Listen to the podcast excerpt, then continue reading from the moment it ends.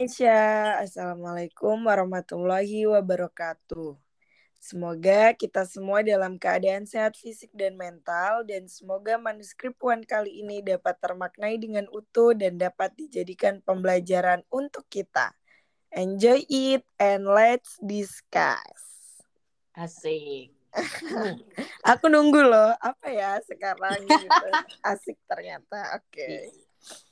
Oke, okay, halo sahabat siniar Puan. Minggu kemarin kita lagi libur nih gitu. Jadi minggu kemarin kita nggak jumpa untuk manuskrip dan kita kembali jumpa di minggu ini. Semoga masih... sahabat siniar Puan kangen sama kita. Amin, amin, amin. Soalnya kan kita sekarang keresahan Puan udah nggak ngobrol kan. Jadi mm, mereka mm. jadi lebih jarang dengar suara kita gitu sih kak. Mm-mm, benar, jadi berkurang intensitas mendengarkan. Benar, benar. Nah, sekarang kita masih tetap bersama Yung gitu.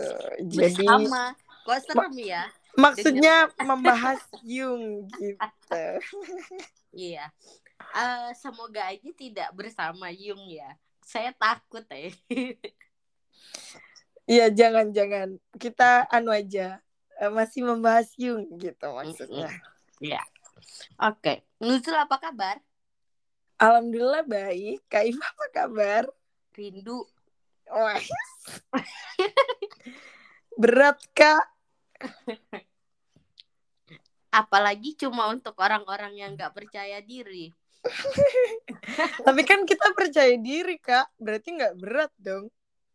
Untuk bisa bertemu Nuzul aku nggak percaya diri.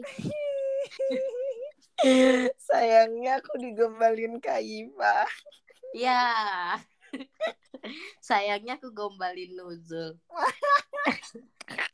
Itu ada hubungannya nggak sih sama pembahasan kita? Loh nggak tahu kan pematernya Kak Iva. Oh, oh salah ya. Harusnya aku nggak nanya ya. Oke, jadi jadi jadi Hmm, Emang manuskrip Puan kita kali ini itu membahas tentang apa sih kak? Hmm, loh, kok aku yang ditanya? Oh, jadi siapa yang ditanya nih? Nuzul dong. Kok bisa bisanya? Oke oke. Jadi uh, sebelum minggu kemarin kita istirahat, kan mm -hmm hmm, kita bahas struktur kepribadian tuh yang dibagi jadi tiga bagian. Benar. Hmm, nah, sekarang kita berpindah ke gimana sih cara uh, apa namanya? Cara melihat gitu, ya, cara me menentukan kepribadiannya seseorang versi Jung gitu. Oke, okay. atau biasa disebut dengan dinamika kepribadian, bukan begitu? Yes. uh, jadi okay. dinamika kepribadian itu bagaimana sih implementasi gitu uh, atau terlihat seperti apa sih pergerakan kepribadian versinya Jung ini gitu. Mm, mm, mm. Oke. Okay. Jadi bagaimana emang kak dinamika kepribadian Jung ini? Ah. semangat loh ini aku. Seperti biasa ya, kalau psikoanalisa nih senang banget sesuatu yang uh, masa lalu, masa gagal lalu, move bener. on, bener, mengakibatkan traumatik gitu ya. Nah, iya. jadi sebenarnya itu juga nggak jauh beda sama karena Jung ini kan masih uh, bagian dari psikoanalisa apalagi beliau banyak mengembangkan apa namanya bukan materi apa teori mengembangkan teorinya itu dari uh, teori Freud gitu. Mm -hmm. Nah dinamika kepribadian Jung ini uh, masih sama kita menjelaskan sistem kepribadian eh bukan sistem struktur kepribadian yang uh, kita pelajari kok pelajari sih? Kita bahas uh, di pertemuan sebelum-sebelumnya itu hmm. yang tentang kesadaran tak sadar pribadi tak sadar kolektif. Yeah. uh, nah bagaimana sih itu uh, bergerak dengan bantuan sikap dan fungsi yang terakhir kita bahas itu Mm-mm. si introvert extrovert Bener. sama fungsinya empat itu nah itu eh, dia akan saling terkait sebenarnya dia saling eh, apa ya bukan mengisi tapi eh, agak rumit sih membentuk bulatan-bulatan yang kemarin itu kan ya Mm-mm. Nah, ah, nah, kira-kira seperti itu. Itu eh, akan terjelaskan melalui dua hal. Oke. Ada Apa dua. Ada dua dinamika kepribadiannya tuh ada dua. Mm-mm. Yang pertama interaksi. Interaksi ini antara struktur-struktur yang kita bahas kemarin. Uh-uh. Yang kedua menggunakan energi psikis. Oke. Hmm, Nah, Mungkin- jadi kan dari tadi Kak Iva sempat nyinggung-nyinggung nih kayak mm-mm. eh, struktur-struktur yang dibahas. Nah, jadi buat pendengar senior point yang nggak tahu nih apa struktur kepribadiannya Yung langsung didengerin yang minggu dua minggu lalu ya. Hmm, benar-benar banget dua minggu lalu. Dan itu tuh harus dengerin tiga-tiganya Zul. Kalau enggak tuh bakal bingung gitu. benar-benar karena kan juga yang di awal kan dibahas terkait ini kan apa struktur kepribadiannya juga kan. Mm-mm, mm-mm. Secara umum dulu lingkaran-lingkaran itu gitu. Oke, gimana tuh Kak kalau yang interaksi? Interaksi Mm. antar struktur kepribadian. Mm-mm, interaksi. Nah, jadi eh, Jung itu menjelaskan antara eh, hal-hal yang tadi lingkaran-lingkaran ini Mm-mm. eh, dia tuh ada tiga prinsip dalam interaksinya. Dia Asik bisa bahkan ke eh, kepribadian aja dalam berinteraksi punya prinsip ya kayak iya. Jadi setiap eh, interaksi itu seharusnya memiliki prinsip memang benar Oke. Eh, tiga ini itu tuh kayak kehidupan kita itu sih sebenarnya tiga prinsip ini. Yang pertama oposisi. Oposisi itu bertentangan. Kita udah tahu lah ya. Oposisi kan nggak asing istilahnya. Nah, kemudian yang kedua itu kompensasi atau saling mendukung. Mm-mm. Kalau yang pertama eh, antar struktur itu bertentangan, ini dijelasin dulu atau disebutin dulu sih Eh, enaknya? jelasin dulu sih kak lebih enak Oh oke.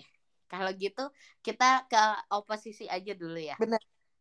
Prinsip oposisi ini eh, seperti katanya oposisi artinya bertentangan atau berlawanan. Nah kalau ngomongin struktur lah, kok jadi belibet kepribadian struktur kepribadian yang bertentangan eh, hal yang antara kesadaran dan ketidaksadaran itu berbeda atau berlawanan gitu Mm-mm. saling berlawanan misal kalau eh, di kesadaran seperti yang ming- dua minggu lalu kita bahas sikap ketika sikap eh, yang dimunculkan itu introvert eh, ininya kesadarannya maka ketidaksadarannya akan Robert. eh, ekstrovert gitu.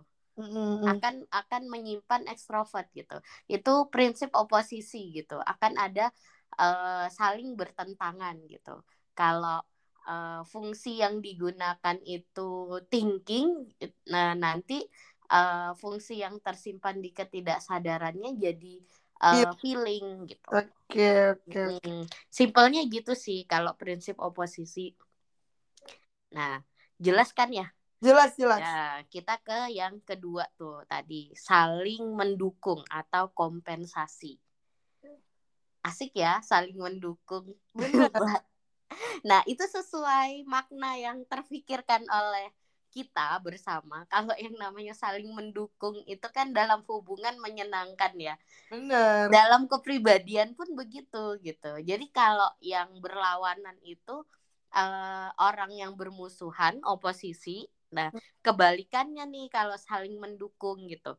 Ketika ketika misalkan apa namanya eh si apa tadi kesadarannya egonya itu lebih banyak introvert misalkan Mm-mm. kan pasti di ketidaksadaran itu uh, intro eh sorry extrovert, Extrovert, karena uh. uh, nah tapi kalau yang berlawanan itu kan dia saling uh, apa ya bertentangan tuh antara intro introvert itu uh, dia yang menarik diri dari lingkungan dia yang Mm -mm. uh, apa tidak tidak suka berada di keramaian sementara di dalam ketidaksadarannya atau uh, di di dalam otaknya itu penuh dengan ide ngobrol sendiri yang banyak Mm-mm. hal yang dipikirkan dan lain sebagainya rame gitu kan ekstrovert banget di dalam di luarnya dia introvert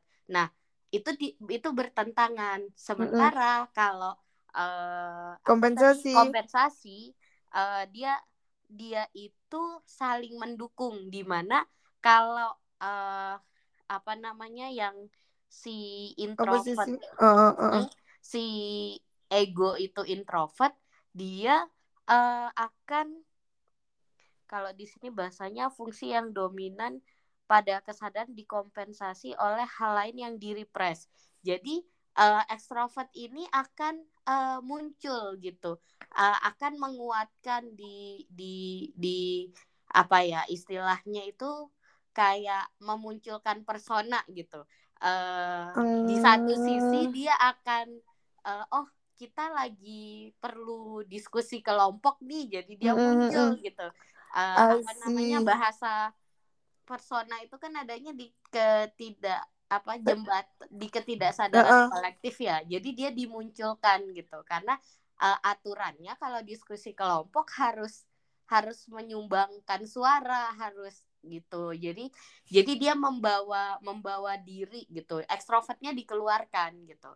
Bukan Berarti, ditekan. Kak, Mm-mm. Eh, kalau misalnya yang bertentangan ini tadi, hal yang bertentangan itu dimunculkan juga tapi Em, Mm, atau enggak, enggak. oke Jadi berarti kalau yang mm, bertentangan tadi poinnya tidak dimunculkan ya. Kalau yang kompensasi ini karena dia saling mendukung, maka yang di repress itu tadi jadi muncul karena kebutuhan gitu ya.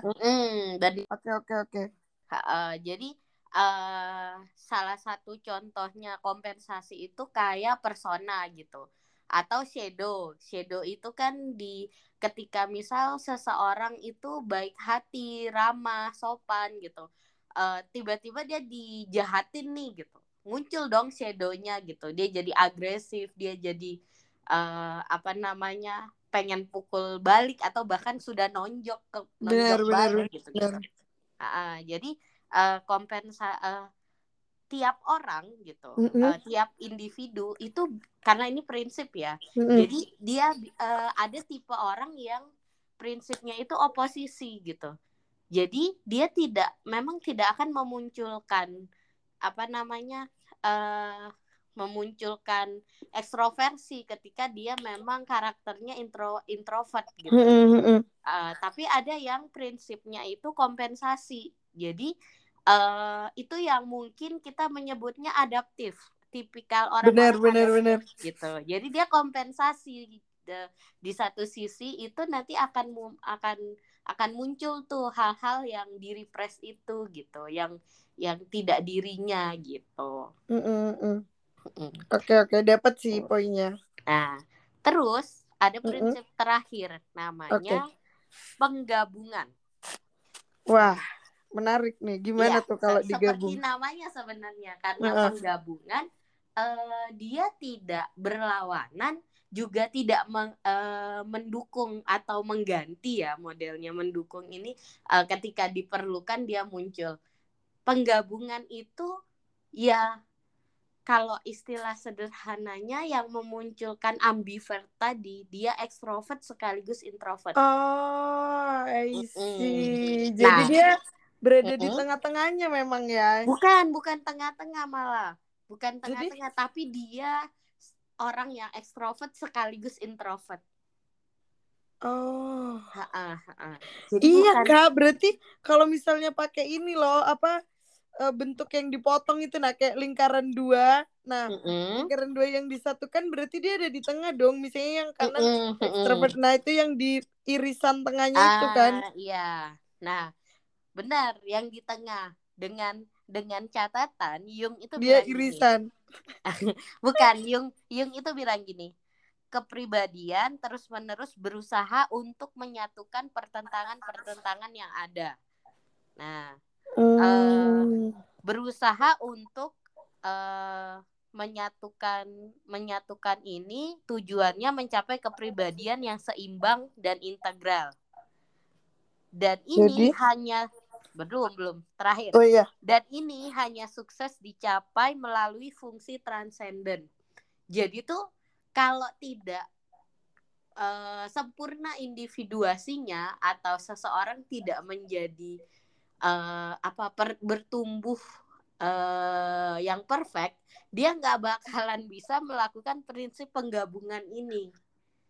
Hmm, oke oke oke. Jadi emang nggak semua orang ini ya karena dia harus ideal ya yang ngelakuin hmm, penggabungan hmm, ini. Benar banget. Itu seperti tahap pengga prinsip penggabungan ini uh, ketika seseorang itu selfnya sudah terbentuk utuh gitu. Dia sudah hmm, sudah sudah bertumbuh uh, secara menyeluruh gitu dan Jung per uh, aku ngomong nggak sih di uh, yang sebelumnya kalau uh, apa proses individuasi ini baru bisa kalau versinya Jung ya baru bisa setelah aktualisasi diri dilakukan gitu. Iya iya iya ada usia, kok. Ada ada, uh, ada usia usia senja gitu. Mm -hmm. Usia tua gitu. Dengan catatan uh, di usia tua ketika seseorang tidak neurotik dalam masa per masa pertumbuhannya. Iya iya iya. Gitu sih. Jadi yang umum dilakukan itu biasanya ya yang dua pertentangan itu. si oposisi sama hmm. kompensasi atau saling mendukung gitu. Walaupun tetap versi saling mendukung ini ada yang dominan dan ada yang eh, apa namanya support gitu. Yang yang mendukung ini kan bukan yang utama. Jadi makanya kalau kita uh, ketika orang bersikap ramah padahal sebenarnya dia orang yang uh, apa namanya uh, sombong misalkan. Apa sih? Ramah hmm. lawannya sombong ya? Iya congkak ya, congkak. enggak. Uh, uh, ya sebenarnya dia orang yang sombong gitu terus dia bersikap ramah. Uh, kita sering mengistilahkan itu wah dia dia menunjukkan persona gitu atau dia dia topeng nih gitu bukan dia yang sebenarnya hmm. gitu. Nah itu sebenarnya kompensasi gitu. Ketika uh, dalam situasi tertentu entah karena dia dituntut masyarakat atau karena dia membutuhkan itu gitu. Tapi ada karakter orang yang nggak mau tahu nggak peduli. Ya memang aku kayak gini dan mm akhirnya dia jadi orang yang diasingkan karena tidak mampu beradaptasi dan lain sebagainya. Nah, itu dia kemungkinan prinsipnya oposisi gitu. Uh, berarti emang setiap orang itu pasti ada kecenderungan salah satunya gitu ya kak ya? Mm-mm, benar. Nah, uh, ketika dia mampu menjadi apa individu yang sempurna, kalau versi strukturnya Jung individuasi itu mm-hmm. bertumbuh. Uh, nanti dia akan mampu mencapai ini prinsip penggabungan. Prinsip penggabungan. Oke oke. Okay, okay. uh, kak, karena hmm. ini sifatnya kepribadian, berarti hmm. misal nih seseorang yang dia ini udah cenderung pakai prinsip operasi gitu, tapi tetap bisa Oposisi, aja kan oh, operasi. ya operasi gara-gara baca tulisan operasi lagi apa sih oke jadi misalnya dia awalnya kepribadiannya cenderung oposisi, tapi mm -hmm. tidak menutup kemungkinan kan dia uh, berubah uh, menjadi prinsip kompensasi kan ya? Bisa, bisa aja. Karena kan ini adalah prinsip interaksi gitu. Jadi okay. bagaimana uh, interaksi yang dilakukan uh, struktur kepribadian. Aku mau ngasih contoh kayak drama Korea, cuman Nuzul nanti bingung. Tapi nggak apa-apa sih kalau mau uh, dicoba. Ini, ini series. Uh, kan biasanya Nuzul agak susah tuh direkomkan series. Iya. Judulnya iya. Yumi Cell. Yumi Cell itu lagi ada season 2-nya nih. Maksudnya lagi ongoing sekarang. Mm. Apa udah kelar ya? Aku belum nonton yang season 2 soalnya. Jadi uh, di Yumi Cell ini dia itu bukan struktur kepribadian sih tapi uh, emosi. Oh, ini aja kalau film Inside Outside pernah nonton nggak? Enggak. Ah, aduh sulah sulit juga ya. Jadi jadi dia itu uh, tiap kalau Inside Outside atau Yumi Cell itu tiap ke uh, tiap emosi itu punya karakter. Jadi ada kayak ada segerombolan oh, orang, uh, sekelompok orang di dalam dirinya. Uh, kalau di Yumi Cell itu namanya Yumi ya, pemeran utama itu Yumi. Dia itu punya uh, emosi bahagia, sedih, jatuh cinta, takut, hmm. gitu tuh uh, tiap tiap emosi itu diwakili oleh satu karakter gitu, satu orang. Nah, hmm. jadi orang-orang ini gitu hmm. berkumpul gitu. Nah, bagaimana antar emosi ini mereka ber, berdebat, berantem, terus bekerja sama itu tuh. Kira-kira modelnya gitu, interaksi ya, itu. Paham, jadi paham, paham. kayak ada okay. sekelompok struktur yang bagaimana nanti dia berinteraksi. Gitu. Uh, uh, uh, uh kebayang sih. Jadi emang mm. ya bahkan satu satu orang bisa menggunakan dua prinsip kayak gitu ya. Mm, mm, mm, cuma okay, memang Uh, seperti balik lagi seperti prinsipnya kepribadian. Dinamis namun cenderung menetap. Ya benar nah, benar. gitu. Gitu okay, sih. oke. Okay. terbayang sih untuk yang interaksi antar struktur kepribadian ini kak. Sudah cukup jelas sih. Oke okay, oke. Okay. berarti kita ke poin Move. kedua ya dinamika yeah. kepribadian. Oke, okay. ada istilahnya energi psikis. Oke. Okay.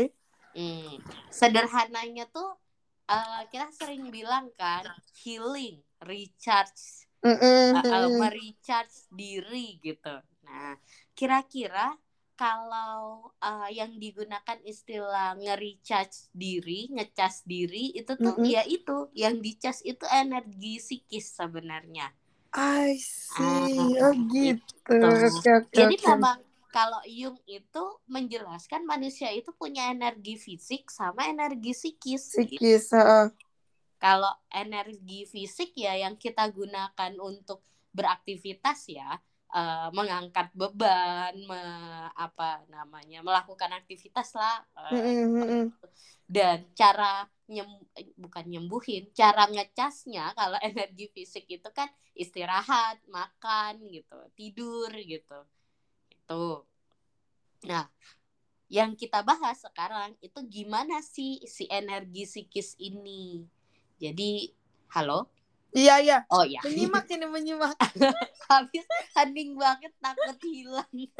okay. Uh, kalau energi psikis ini uh, di sini kita bakal ngebahas gimana sih uh, itu digunakan, kapan dia digunakan, uh, dan uh, bagaimana pemulihannya dan kapan energi itu habis dan lain sebagainya gitu. Oke, okay, berarti ini kayak kayak IPA tapi versi psikis gitu ya. Karena kan kita ada juga tuh bahas kalau misalnya gimana energi di tubuh itu digunakan ketika kita selesai makan terus dicerna gini-gini. Nah, ini versi psikisnya gitu ya, Kak. Ya, kira-kira gitulah. Mungkin karena Jung ini masih dokter ya. Jadi dia menggunakan lagi-lagi uh, apa istilah-istilah biologi gitu. Oke, gimana tuh?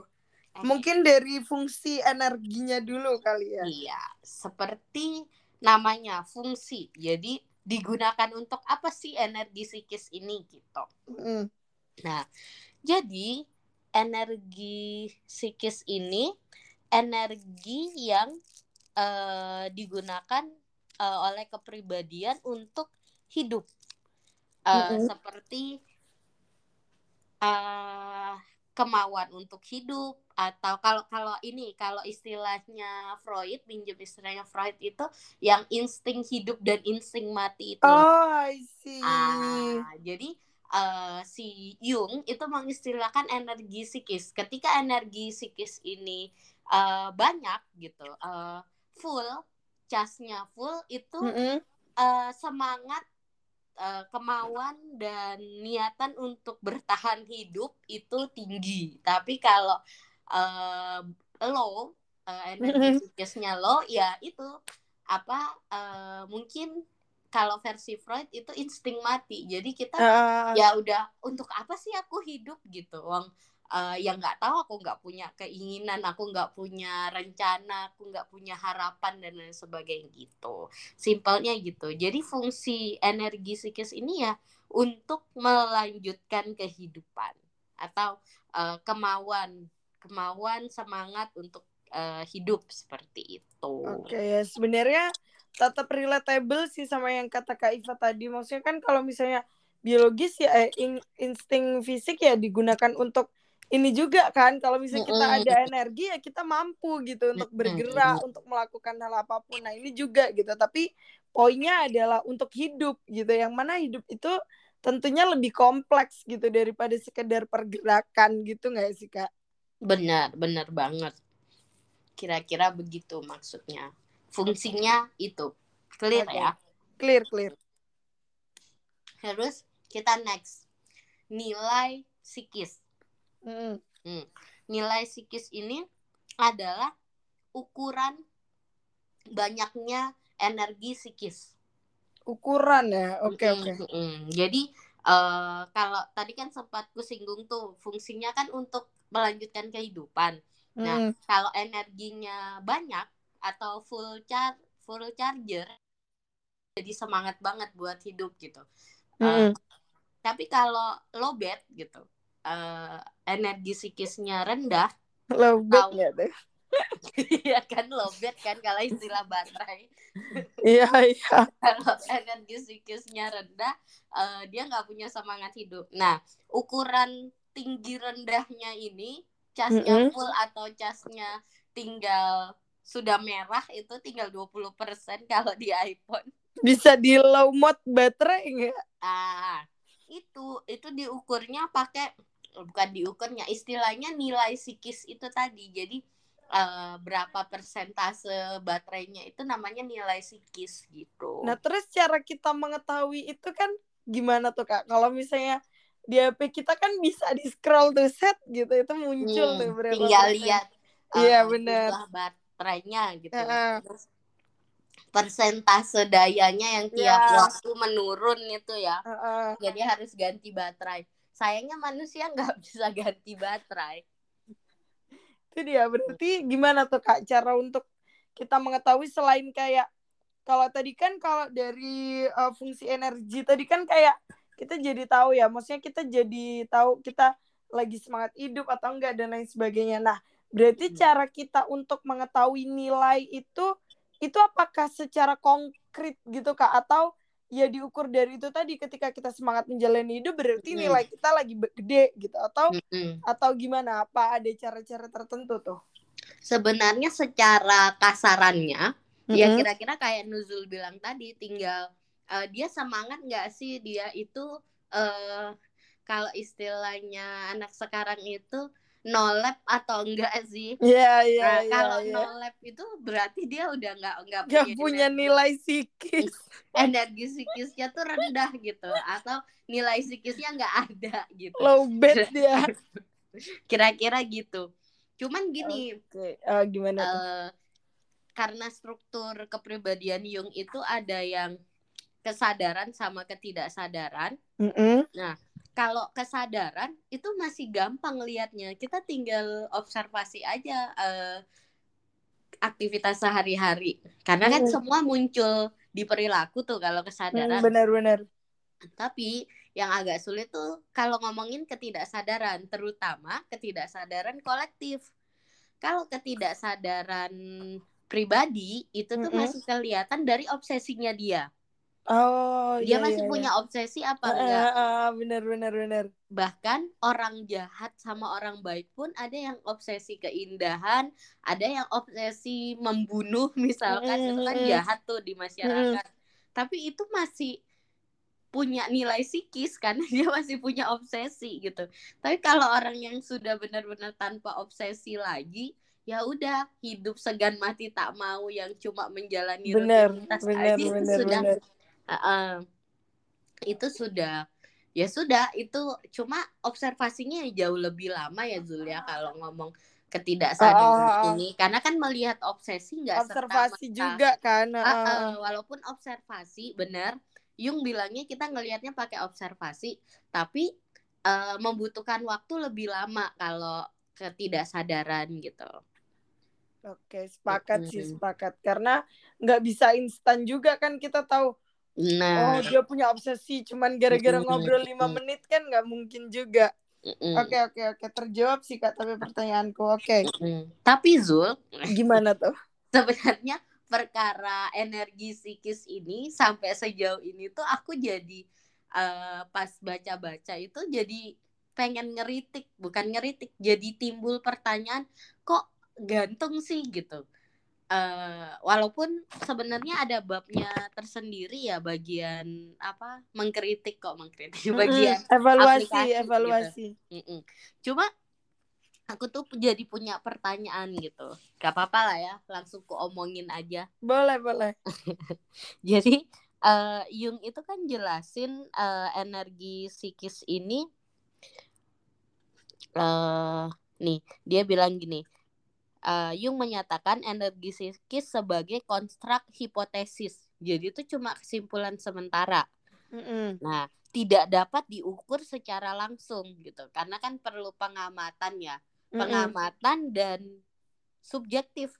Jadi kita nyimpulin itu kan subjektif tuh Mm-mm. ukurannya. Mm-mm. energi psikis itu hanya bisa di- dipahami dari besarnya usaha yang dilakukan pada suatu kegiatan gitu. Mm-mm. Eh, jadi kalau misalkan tidak muncul, misalkan si apa namanya eh, energi sadar itu eh, tidak muncul di aktivitas atau eh, energi tak sadar pribadi itu tidak muncul di obsesi-obsesi atau Mm-mm. eh misalkan tidak ada shadow persona yang muncul itu tidak tidak ada sama sekali kan kita jadi nggak bisa meng- menakar Observasi. ah, Ah, ah, kita jadi nggak bisa menakar gitu. Jadi terus eh, energi psikis ini i- i- intinya tuh aku ngerasa kayak abstrak banget gitu loh, nggak nggak ada takaran yang logis tentang Nah itu makanya energi. tadi pertanyaanku tuh kayak ada ukuran konkretnya nggak sih kak gitu makanya tadi pertanyaanku. Oke, begitulah. Jadi tuh jadi kalau kalau eh, penjelasannya Jung itu ya hanya menjelaskan oh iya selain energi fisik kita ngomong kepribadian kita ngomong energi psikis gitu. Cuman Mm-mm. Eh, karena dia cuma ngomong versi of apa dia bilang dilihat dari observasi kemudian kita menyimpulkan ukurannya dari sana kan jadi kesannya tuh kayak nggak ilmiah banget ya gitu. benar benar benar. subjektif banget lah intinya gitu. Benar sih Gitu tapi aku sih. juga sepakat. Tapi tadi cukup terjawab sih kak. Maksudnya Mm, eh, meskipun emang nggak konkret ya tapi kan mm, mm. ya makanya itu tadi seperti yang udah kita bahas di awal-awal kenapa terus ada pembaruan dan tokoh-tokoh lain ya? Karena benar-benar mereka menyempurnakan itu gitu. Dan mungkin Mm, mm. nanti ada tokoh yang akan mengkonkretkan itu gitu kak. Jadi Dan nggak mungkin ngawang kita, lagi uh, uh, dia mungkin kita akan menemukan jawabannya eh, nanti ya gitu bukan Iya, sekarang benar. gitu bisa sih bisa jadi untuk sementara kira-kira begitu dulu oke Oke, kita lanjut. Masih di energi psikis. Mm-mm. Eh, energi psikis ini eh, bersifat ekivalen dan entropi. gimana itu Oke, jadi maksudnya ekivalen itu kesamaan. Jadi eh, ekivalen ini kan sebenarnya ekivalen sama entropi ini prinsip fisika sebenarnya. Jadi Mm-mm. cuman dipakai Jung dalam menjelaskan eh, sifatnya siapa energi psikis gitu. Mm-mm. Ekivalen itu kalau arti bahasa Indonesianya sama gitu, kesamaan. Mm-mm. Maksudnya kayak gini. Jumlah energi psikis itu selalu tetap. Hanya saja distribusinya yang berubah. Mm-mm. Nah, eh udah titik. oh udah. Maksudku penjelasan ekivalen itu sama. Jadi eh setiap manusia, setiap orang itu punya jumlah energi psikis yang sama atau Nah, istilahnya baterai HP itu semuanya 100%. 100% persen, gitu. iya iya ah. benar-benar. Ah, ah. tapi distribusinya berubah. Misal aku Berbeda nggak sih, Ah, ah. Hah? Berbeda nggak sih? Iya, distribusinya berubah. Oh, berubah. Berubah. Mm-mm. Oke. Distribusinya berubah-ubah. Misal, hmm, iya berbeda antar satu orang dengan orang yang di sini Oke, eh, oke. setiap individu hari ini aku lebih banyak buka WhatsApp misalkan Mm-mm. karena eh apa aku harus eh, mobile interaksi sama banyak orang gitu.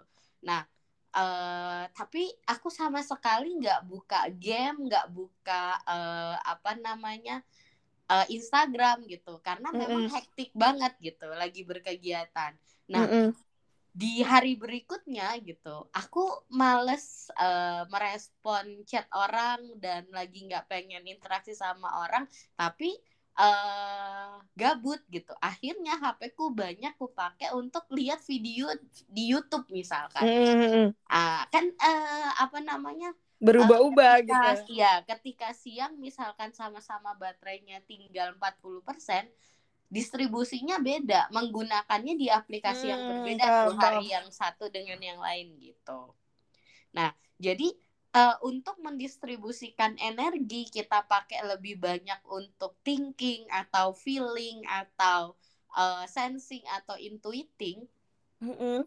itu tuh eh, di tiap waktu pasti bisa beru- berubah-ubah.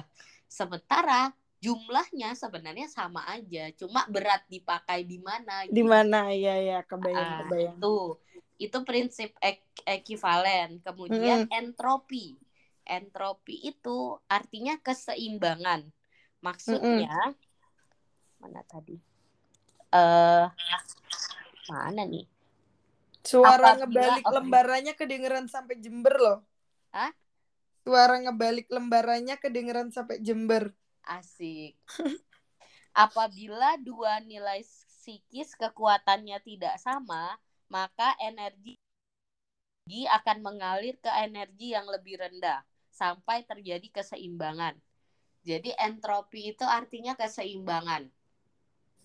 Oke. Maksudnya eh prinsip kalau di prinsip eh, ini suhu eh, ketika suhu ruangan itu tinggi eh, dingin misalkan suhu ruangan itu terlalu dingin eh, tubuh kita kan akan menyesuaikan ya Mm-mm.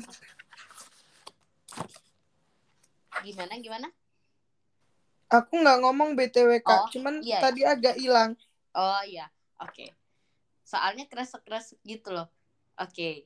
Jadi kalau eh, keseimbangan itu kalau kita pakai pre- karena ini prinsip fisika ya, kalau suhu Hmm. tubuh suhu eh sorry suhu ruangan itu dingin gitu.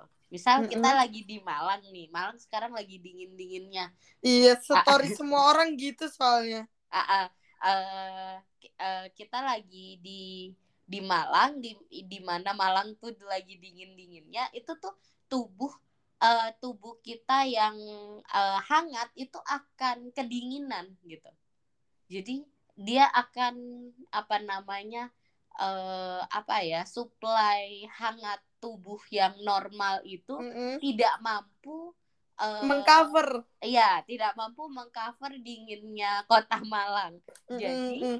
eh, dia akan apa? merendah, ikut merendah gitu. Kan kalau tinggi panas kan, kalau Ya, merendah kan ya. dia jadi dingin. Jadi ikut Dingin. kedinginan Ya, dia. ya, ya. Suhunya ikut merendah karena suhu suhu kota Malang rendah gitu. Tapi begitu kita ke Surabaya yang panas, nah eh, ketika eh, suhu sekitar itu men- meninggi naik gitu, kita suhu tubuh ini akan akan menyesuaikan. Eh, gitu. eh, eh, bener Ah, bener. dia akan akan meningkat makanya kita kegerahan biasanya kalau di Surabaya gitu nah, kira-kira gitu. Model keseimbangan nih gitu. Jadi kalau kita pakai prinsip introvert eh nggak introvert. Kalau kita pakai prinsip fungsi apa? Fungsi kepribadian yang thinking sama feeling. Mm-mm. Nah, ketika misalkan uh, energi itu digunakan banyak untuk berpikir, mungkin uh, kita lagi apa ya, lagi uh, dihadapkan pada keputusan yang sulit gitu, uh, hmm. lagi membutuhkan proses berpikir yang mendalam, merenungi sesuatu, perlu pengambilan keputusan misalkan, kita hmm. thinkingnya lebih banyak gitu.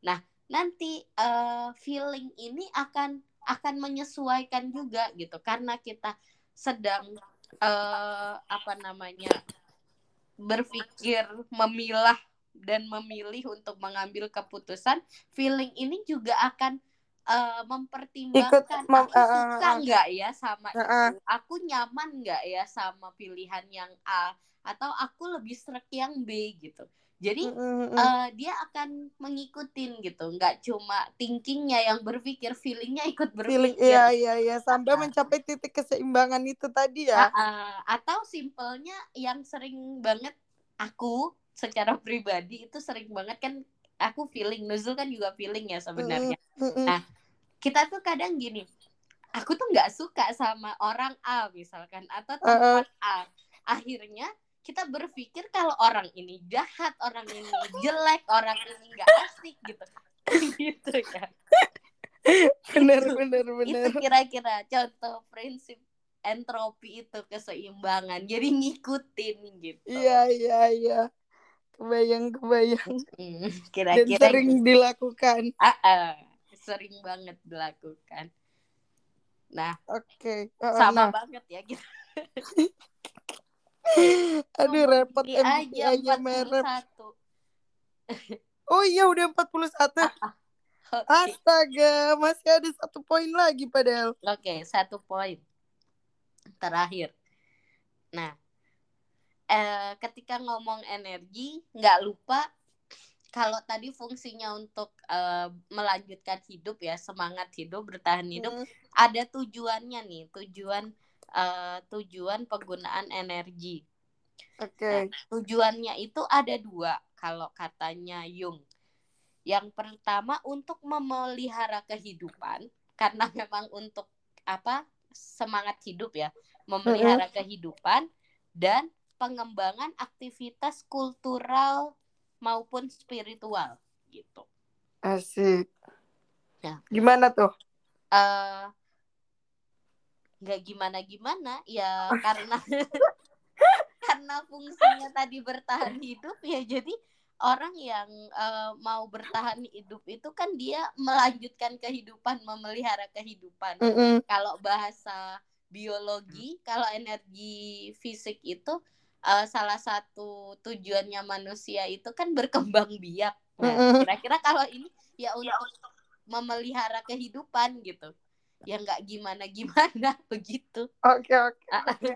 kesama intinya kalau... uh, enggak enggak maksudku tuh tadi kok kira ada penjelasan gitu kak. Oke okay, berarti ini aku uh, meluruskan uh, aja berarti ya. Kalau iya, iya. misalnya iya, iya. yang tujuan penggunaan energi memelihara kehidupan ini ya menunjang apa pun itu mm -mm. terkait kehidupan kita gitu kan ya oke oke okay, okay. nah kalau yang si aktivitas kultural dan spiritual ini ya itu semacam adaptasi di masyarakat aktivitas kultural kan yang berkaitan dengan lingkungan sosial ya uh, apa uh, bermasyarakat gitu spiritual ya terkait keagamaan gitu itu sih nah tapi tapi nah eh, tapi bentar deh aku tuh kayak jadi uh, menggarisbawahi gitu kayak mm -hmm. kenapa yang di apa namanya yang pengembangan aktivitas yang di garis bawah itu kultural dan spiritual aja kak. Mm-mm. Emang ada aktivitas lain selain kultural dan spiritual? Hmm, bentar mikir. uh, sebenarnya tercover sih, bener kata Kak Iva tadi. Karena kalau kultural kan dia bersinggungan langsung dengan masyarakat sosial. ya sosial gitu ya. sosial. terus kalau spiritual kan sama yang di atas ya. Oke nggak jadi berarti kak. Tapi mungkin kalau di aku nggak tahu ya kenapa uh, Jung mengistilahkannya begitu. Kalau bahasa Inggrisnya ya development of cultural and spiritual activity sama aja. Maksudnya Oke, oke. itu versi bahasa Inggrisnya. Mungkin kalau mau diluaskan kayak kehidupan sosial ekonomi politik gitu. Mm, mm, mm, Kebayang kok. karena kultural ini dia ngomong lingkungan di masyarakat gitu aktivitas eh, apa ya kalau istilah Islamnya habluminanasnya lah gitu. Iya, iya, Nah, iya. habluminallahnya yang spiritual itu gitu. Iya, paham, paham. Oke. Heeh. Don, don. oke nah tapi Tapi, untuk mencapai tujuan itu mm-mm. ada dua gerakan gerakan ada ada eh, apa namanya Eh, pergerakannya pergerakan manusia eh apa individu itu ada dua progresi sama regresi Mm-mm. Nah kalau progresi itu seperti istri- istilahnya kan ya pro pro gitu progresi gitu jadi bergerak maju Mm-mm. kalau si regresi itu kebalikannya bergerak mundur gitu. Jadi eh, regresi ini mirip dengan apa namanya pergerakan apa di Freud juga sebenarnya regresi Mm-mm. yang dimaksud Freud. Jadi sebenarnya nggak nggak jauh beda. Tapi Jung membaginya jadi gerak progresi sama regresi. Maksudnya kalau progresi itu eh, ego sadar menyesuaikan tuntutan lingkungan dan kebutuhan tak sadar secara memuaskan. Eh, energi akan mendukung gerak progresif di mana kekuatan-kekuatan yang saling bertentangan disatukan dalam arus yang harmonis.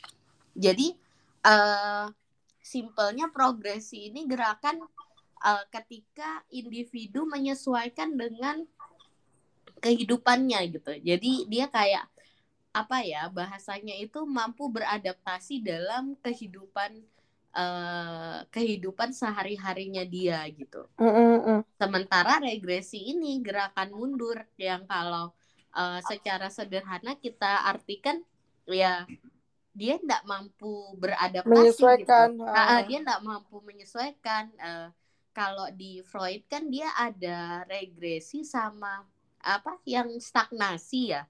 Ah, ah. Ah, ah, jadi dia ada menetap atau bergerak mundur. Berjalan. Ah, ah. Sementara kalau Jung dia langsung menyebutkan eh, kalau dia nggak mampu progresi dia akan regresi gitu. Dia akan bergerak bergerak mundur di mana Tidak stuck.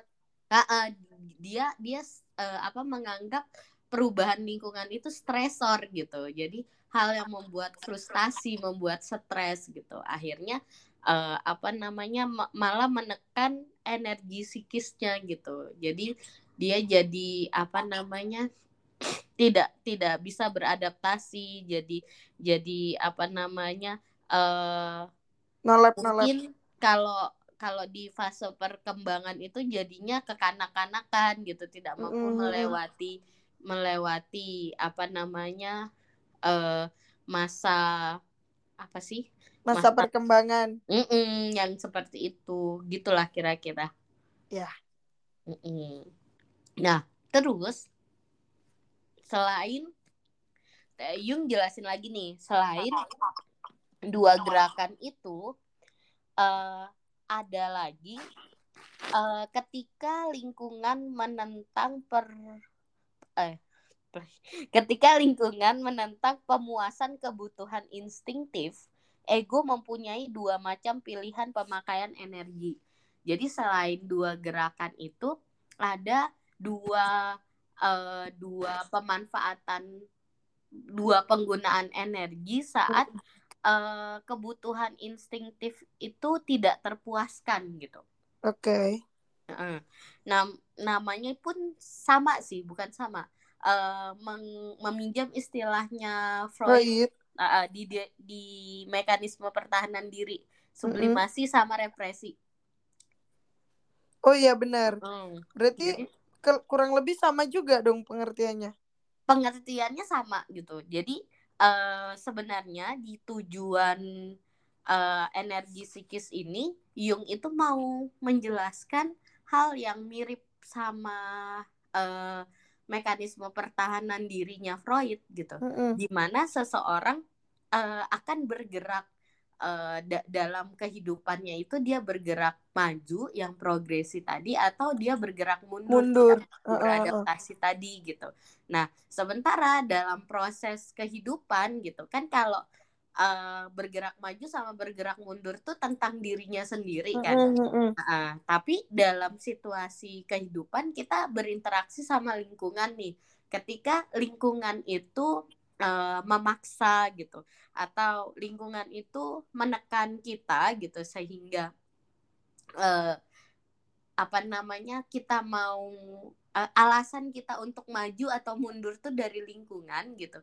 Kita akan melakukan atau kita akan memilih dua hal. Kalau enggak kita melakukan sublimasi kita melakukan represi. Kalau istilahnya Freud uh, di apa defense mechanism itu gitu. Mm -hmm. Uh, nah di Jung itu dia cuma jelasin dua ini sublimasi sama re, uh, represi. represi. Gimana kalau sublimasi ini uh, dia mengganti, mengubahkan ya sublimasi yeah. itu, mm. mengubah tujuannya gitu karena uh, orang tua saya tidak menyetujui saya uh, apa namanya masuk eh, apa oh, karena orang tua saya ingin saya jadi dokter gitu tidak menyetujui saya jadi uh, jadi pengusaha. misalkan. Pengennya saya jadi yes. dokter tapi saya sebenarnya nggak mampu jadi dokter gitu. Dokter fisik jadi saya jadi dokter hati Dok aja masuk psikologi eh, misal gitu. Agak curhat ya. Itu misal sublimasi kan kita mengganti ya uh, bener, uh, terus kemudian repres ya sama juga repres itu menekan gitu.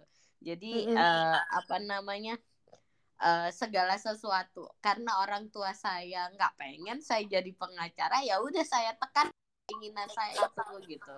Uh, apa namanya ya akhirnya jadi apa punya sosial responsibility yang tinggi aja berus bertanggung jawab menegakkan keadilan padahal bukan pengacara juga gitu bukan hakim juga.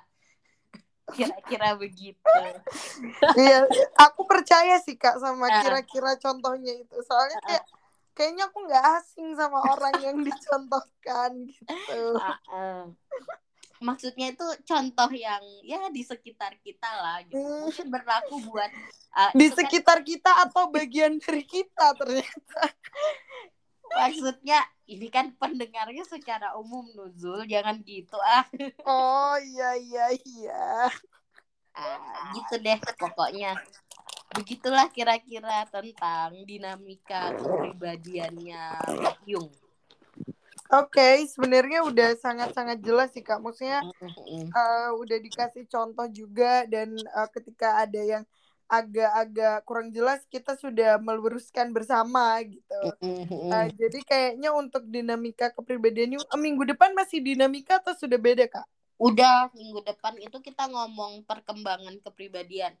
Oke, okay. agak-agak lebih simpel ya Jung ini daripada Freud.